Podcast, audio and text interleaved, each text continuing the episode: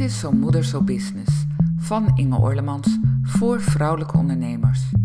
Welkom, fijn dat je luistert naar mijn podcast, waarin je waardevolle inzichten krijgt over hoe de relatie met je moeder je kan belemmeren om succesvol te ondernemen.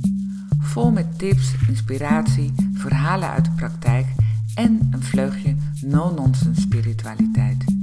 Hier ontdek je hoe je oude gedachtepatronen kunt doorzien en volmaakt vrij gaat ondernemen, zodat je het succes krijgt waar je zo naar verlangt. Welkom bij een nieuwe aflevering van Zo Moeder, Zo Business. Uh, hartstikke leuk dat je weer luistert. Vandaag praat ik met Anne. En Anne is mentor voor mensen die net in een burn-out terechtkomen. Um, nou, welkom Anne. Dankjewel. Fijn ja, om hier te zijn. Echt superleuk. Ik heb er zin ja. in. Ja, leuk. Wij kennen elkaar uh, van Clubhouse. Daar hebben we elkaar ontmoet. En hebben we een paar mooie uh, gesprekken gehad, uh, ook over de relatie met je moeder en je business. Had jij meteen duidelijk dat er een relatie zit tussen ja, dingen van vroeger met je moeder en nu in je business? Als ik heel eerlijk ben, nee, helemaal niet. Nee. Ik heb, uh, hè, wat je zei, met Clubhouse hebben we elkaar ontmoet. Dan heb jij daar dingen over verteld. En toen dacht ik ineens, oh, de, in eerste instantie, als ik eerlijk ben, was mijn eerste reactie: ach, wat een onzin. Sorry Inge, ik vind het leuk dat jij een projectje hebt, maar voor mij. Uh, maar toen ging ik erover nadenken en dacht ik: verdomd, ze heeft gewoon gelijk. Ja. En, uh, en vanaf dat moment zie ik pas dat dat, dat invloed heeft gehad op mij en ook op mijn, uh, op mijn business. Ja, ja, wat, wat ik leuk vind is, uh, we hadden net even een voorgesprekje en uh, nou, ik, ik heb niet, ja, ik vind het ook altijd lastig. Hè? Ik, ik wilde zeggen, ik heb niet zo'n goed contact met mijn moeder gehad toen ze nog leefde, maar dat is eigenlijk helemaal niet waar. Maar in mijn jeugd speelden er een hoop dingen, daar heb ik ook over verteld. Maar jij hebt een hele leuk contact met je moeder. Ja, we hebben heel fijn uh, contact samen. Daar, ik ga nu, uh, ze woont wel een eind weg, dus ik moet echt wel een uur reizen voordat ik bij haar ben. Dus ik ga niet op de koffie, hè. ik ga dan ja. echt voor een dag. Ik ben nu een paar dagen terug weer geweest. En dan, uh, dan houdt ze ook al het bezoek buiten de deur. Dan zitten we eigenlijk de hele dag zitten we gewoon te kletsen. Leuk. Ja, ja over, over nu en hoe het gaat. En ik maak zelf ook een podcast en die luistert ze ook allemaal mee. En uh, daar vindt ze dan ook wat van. Uh, lief, liefdevolle kritiek noemt ze dat. en uh, ja, we hebben het ook wel veel over ons en over, ook naar aanleiding van de, mijn bewustwording, naar wat je, naar aanleiding van wat jij vertelde, dat de relatie van mij tot mijn moeder, dat dat effect kan hebben op mij. Um, dus, dus, daar hebben we het ook wel over. Dus ja, we hebben echt goed contact. Het is heel fijn, ja. heel dierbaar ook. Ja.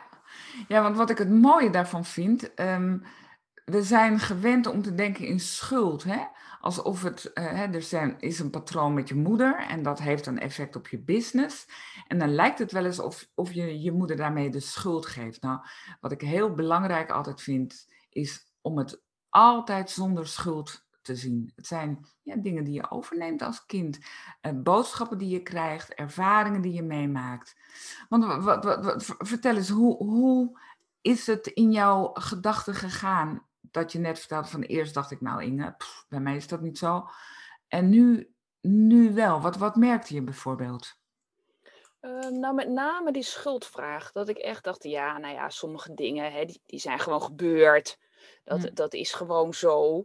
Um, da, daar moet ik dan maar mee leven. En dat kan, ja, dat kan ik ook niet meer met mijn moeder bespreken. En, ja, ik zal je een voorbeeld noemen, dat maakt het allemaal wat ja. makkelijker. Ja. Toen ik uh, uh, van de middelbare school afkwam, uh, wilde ik naar de universiteit. Maar wat, wat ga je dan studeren?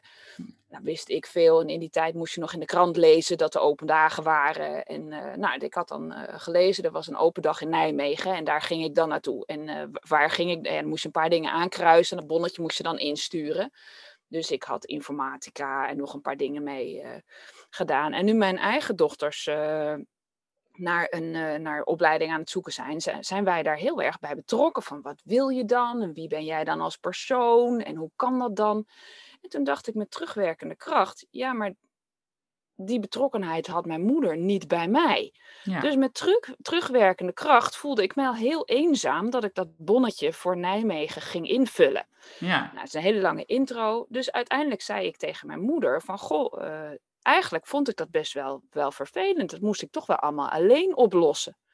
En, en toen zei mijn moeder tegen mij, ach kind, maar ik mocht helemaal niet mee van jou. Jij wilde dat alleen doen. En toen, maar toen kreeg ik dus, moest ik dus mijn eigen visie naar mijn, hè, de verhouding naar mijn moeder toe. Dat ik dacht van ja maar, ja, maar zij wilde niet mee. Ik moest dat alleen doen. Moest ik volledig herzien. Ja. Uh, want uiteindelijk was haar visie dat, dat zij eigenlijk niet mee mocht. Maar zij, ik vond dat dus moeilijk om met haar te bespreken. Dankzij ehm, eh, jouw visie daarop heb ik dat met haar kunnen bespreken. Ja. Uh, en moest ik bijstellen. Maar zij dus ook, want zij durfde ook niet uh, te denken van ja, maar ik voelde me eigenlijk een beetje gepasseerd dat jij alleen wilde. Ik had graag met jou meegewild. Um, dus beide kanten op moesten we onze visie bijstellen daarin. Ja, mooi is dat.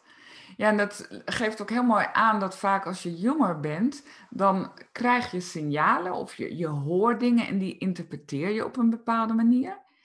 En kinderen kunnen dus niet zo goed nog reflecteren op de ander. Dus kinderen denken dan van, oh, nou, hè, kennelijk moet ik dit anders doen of moet ik dit alleen doen. En het zal ongetwijfeld zijn dat in een situatie je moeder, jij begrepen hebt dat je dat alleen moet doen. Dus dat je dat vervolgens door die bril naar, uh, naar andere situaties in, in je latere leven bent gaan kijken. Ja, zeker. En achteraf dacht ik, hè, want daar vroeg je natuurlijk naar, achteraf dus ook wel in mijn business. Ja, precies. Dat ik dacht, ja, ik heb daar dus ook um, al, wel lang het idee gehad, ja, ik moet dat zelf doen. Ik wil dit. Ik, ik ga zoeken, hè, ondernemer ga je toch ook een beetje zoeken van waar ga je van aan. Ja. En um, ik wil dit, dus ik moet dit zelf doen. Dus eh, hulp vragen, uh, ja, vond ik best wel lastig. Ja. Terwijl dat natuurlijk niet meer dan normaal is, dat je gewoon met mensen dingen overlegt. En je hoeft, hè, en ik denk dat, persoonlijk denk ik inmiddels, dat je een goede business kan, uh, kan hebben als je ook um, reflectie met anderen kan toepassen. Jazeker. En heel veel vrouwelijke ondernemers hebben het gevoel dat ze het allemaal alleen moeten doen. Ja. Dat is echt een dingetje. Want hoe kun je daar iets over vertellen in je business? Hoe dat, hoe dat tegen je heeft gewerkt of je heeft belemmerd? Um, nou, het heeft me belemmerd in. Soms kan je in gedachten um, wel een beetje rondcirkelen. Mm. In mhm. hoe, hè, hè, uh, als je dan zakelijk uh, naar je business kijkt, dan denk ik, oh, maar hoe, uh, ik wil op een andere manier mijn klanten bereiken. En dan is het natuurlijk heel fijn als, als je dat met mensen van buiten even met een frisse blik kan bespreken of weer weerleggen. Ja. En is het achteraf, zie ik, uh, niet heel erg slim om dat alleen maar alleen te willen bedenken. Ja. Um, eh, dus dat is wel een voorbeeld dat ik dacht, ja, daar had ik eerder hulp bij kunnen vragen. Of en hulp is niet zozeer wat ik bedoel, maar meer een reflectiemoment van mezelf, een coachingsmoment. Delen. Ja, de, exact, dat delen. Ja, ja. Dus je zegt van, hè, dat, dat, dat is jou op de een of andere manier. Hè, je legt een relatie met je moeder. Je zegt van, ja, ik heb het idee gehad dat ik dingen, dat soort stappen alleen moest doen. En daar niet in kon delen. En dat is het verhaal waarin je als het ware een soort van gevangen gaat zitten. Je zei net zo mooi dat je in zo'n gedachtepatroon hebt. Dat, uh, dat vond ik, ik, je zei het op een iets andere manier, maar van die gedachten die steeds terugkomen. Ja, dat, dat had ik, hè, dat, je, dat ik in mijn eigen cirkeltje en mijn eigen ideeën bleef hangen ten aanzien van mijn business. Um, en dat is natuurlijk helemaal niet gezond. Juist moet je nieuwe ideeën hebben en daardoor kan je verder en groeien. En, uh, uh, en dat heeft me dus wel.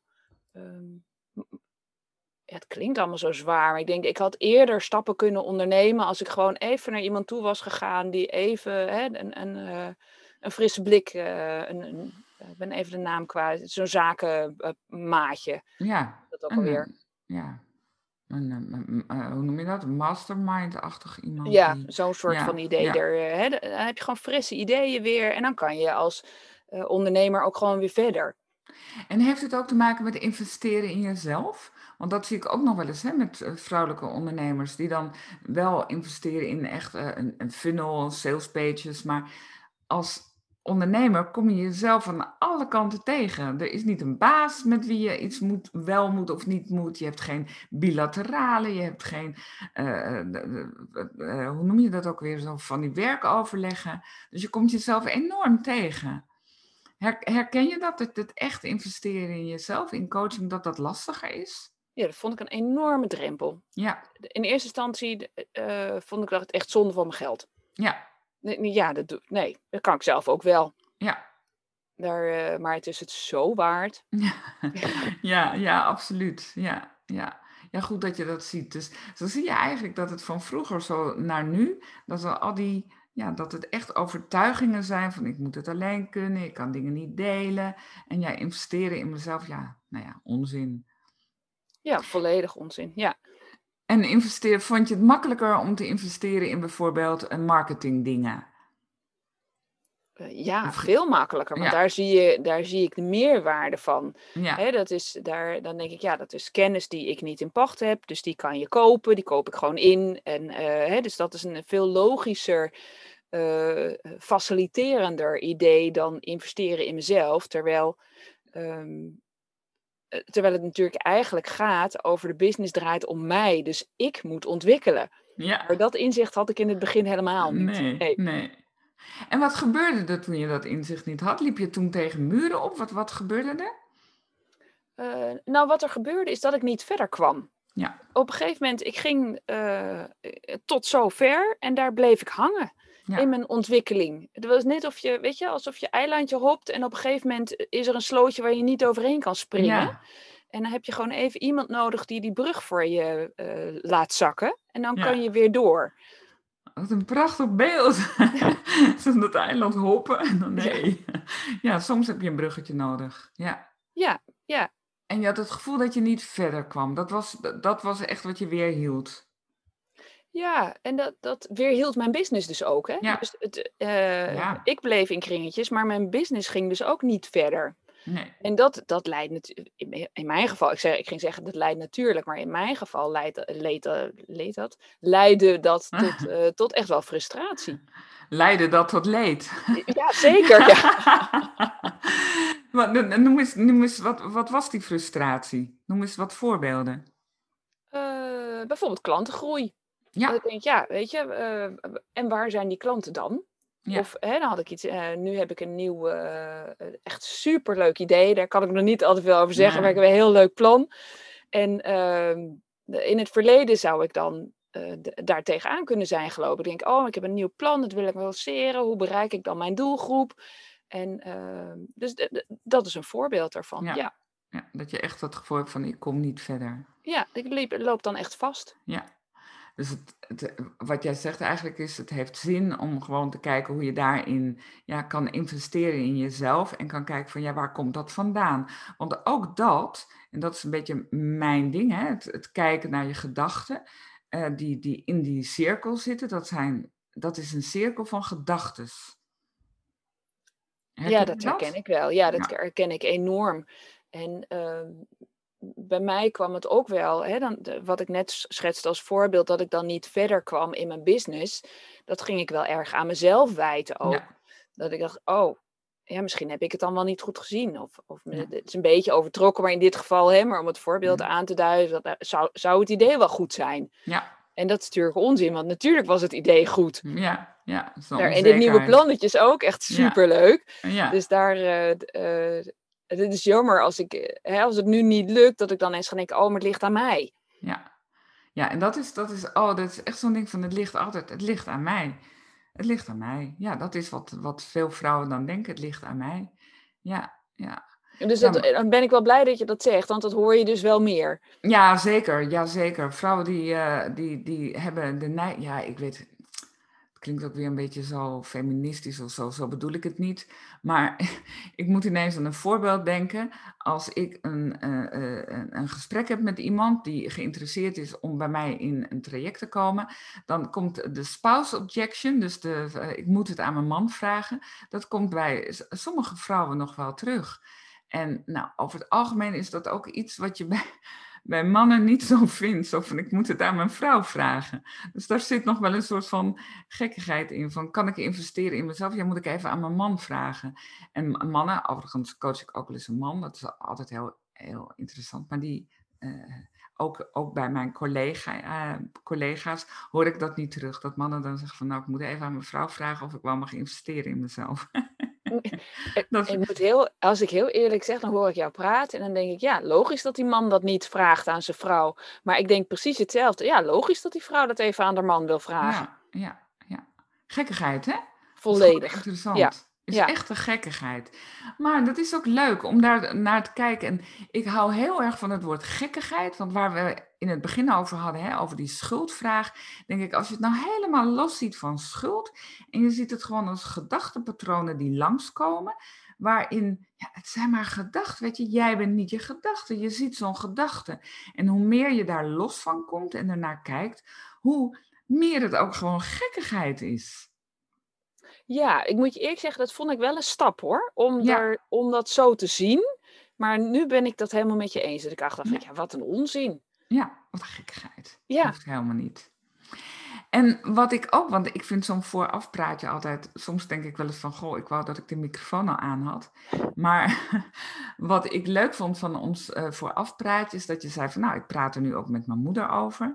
En toen had je het ook over, jouw moeder is natuurlijk ook weer de dochter van haar moeder. Over hoe in generaties dit soort ja, belemmerende overtuigingen terug kunnen komen. Kun je daar nog iets over vertellen? Want dat vond ik echt heel leuk. Ja, ik, nou, ik was, eh, wat ik eerder al zei, een paar dagen geleden bij mijn moeder. Dus toen ging ik ook vertellen van dit interview. En toen uh, vertelde zij ook over haar moeder. En uh, uh, voor mij heel interessant, hè? Die, die is als, als wees in een, in een nonnenklooster. En dan kwam ze, nou uiteindelijk is ze dus getrouwd. En dus zij was eigenlijk zonder familie bij haar oudere man. En daar, kwam, daar was zij dan de eerste dochter ook nog. Ehm, en mijn moeder heeft zich ehm, eh, ook niet altijd even veilig gevoeld bij haar moeder. Dus het is wel grappig dat, dat ik dus met dat verhaal, dus uh, niet veilig bedoelde, daar bedoelde ze mee. Zij had ook het gevoel dat ze voor zichzelf moest uh, zorgen. Dus toen ik met dat verhaal kwam, weet je nog wat ik zei, dat ik naar die open dagen ging van de universiteit, dat ik tegen haar zei van ja, maar ik had dus het gevoel dat ik dat zelf moest doen. Ja. Dus zij zei, kind, maar dat had ik dus ook met mijn moeder. Ja. Dat zij ook zei, ja, ik, ik had ook altijd met mijn moeder het gevoel dat ik het zelf moest oplossen. Ja. En uh, je zag bij haar ook, toen zij het bij mij ging weerleggen, ja. toen zag ik ook bij haar de, oh, maar dat kan bij mijn moeder ook wel eens anders zijn geweest. Ja, wat een ontroerend verhaal eigenlijk. Want dan zie ik zo'n meisje wat in zo'n nonnen, en zo'n zo'n klooster komt met nonnen. En ja, dan moet je het ook alleen doen, hè? Ja. Dus dat is een overtuiging die dan helemaal los van hoe je het bedoelt en wat je ermee. Ja, het is een overtuiging die in je hoofd zit van ik moet het alleen doen. En dat breng je altijd over op met name je dochters. ja, nou, in, in dit voorbeeld blijkt dat dus wel. En ik zag de. Uh, dus het is nu voor mijn moeder en mij ook heel. Uh, prettig om daar zo over te kunnen praten. En het zo, zo, te, zo objectief te kunnen bespreken. Ja, ja. Of vind ik ook wel leuk dat je het woord objectief gebruikt. Want wat ik zelf nooit doe, dat is dan eindeloos graven in je verleden. Van en wat zei je moeder toen en wat bedoelde ze en hoe zat het dan met dit en hoe zat het dan met dat. Want wat je dan doet, is dan zit je in het verhaal. En dan maak je eigenlijk het verhaal waar. Kan je je voorstellen wat ik daarmee bedoel? Uh, ja, uh, in die zin. Maar dat komt omdat jij, jij noemde een tijd geleden, als ik dat mag aanhalen. Natuurlijk. Uh, maar jij bent niet je eigen film. Ja. Dus met die tekst onder mijn arm kon ik naar mijn moeder en zeggen van, goh, ik had vroeger deze film van ons. Ja. Dat ik dat, uh, dat ik dat alleen moest doen. Ja. En omdat het zo objectief was, hè, dat dit, dit was mijn film, ja. Ehm, kon zij ook het over mijn film hebben. En ging het dus niet meer over of, of ik haar dat verweet of niet. Uh, en daardoor konden we dus samen eigenlijk wel lachen om uh, onze verschillende perspectieven daarin. Ja, ja. En dat is mooi. Dat je dus niet in het verhaal gaat zitten van toen deed jij dit en toen ja, gebeurde er dat. En, want dan wordt het heel, vaak heel zwaar. En het verhaal moet wel verteld. Het is fijn om het verhaal te vertellen. Maar het is ook heel fijn om te zien van, ja, jij bent niet je verhaal. Jij bent degene die het verhaal waarneemt. En dat is zo interessant. Nou, en ik moet je eerlijk zeggen, de bevrij... het klinkt nu alsof, omdat ik het er met mijn moeder over gehad heb, dat het opgelost is. Maar de, de verandering van visie kwam omdat ik het uh, anders zag. Dat ik dacht, oh, maar ik zag mij eh, als ik moet het allemaal alleen opknappen. En dat heeft voor mij uh, veranderd. Hè, als je dan teruggaat naar wat is de relatie met je business. Ja. Toen dacht ik, oh, toen realiseerde ik me ineens, maar ik hoef het dus niet alleen te doen. Precies, het is het verhaal. Je hebt het verhaal gemaakt, ik moet het alleen doen. Je kijkt, je ziet het verhaal en je neemt er als het ware afstand van. Je denkt, hé, hey, maar dit is niet de waarheid. Ja, ja. En, en daar had ik natuurlijk daarvoor ook wel, maar dat was wel uh, wat op mijn business een uh, effect heeft gehad. Ja, ik dacht, nou, het, het hulpensvraag is gewoon oké. En het is geen slachtoffer of geen, nee. hè, want ik moest het allemaal alleen doen. Dat klinkt allemaal zo zielig, maar zo was het natuurlijk helemaal niet. Nee. Um, uh, maar ja, de, ik ben blij dat het mijn business niet meer beperkt. Dat ik daardoor nu gewoon verder kan. Ja, super, super.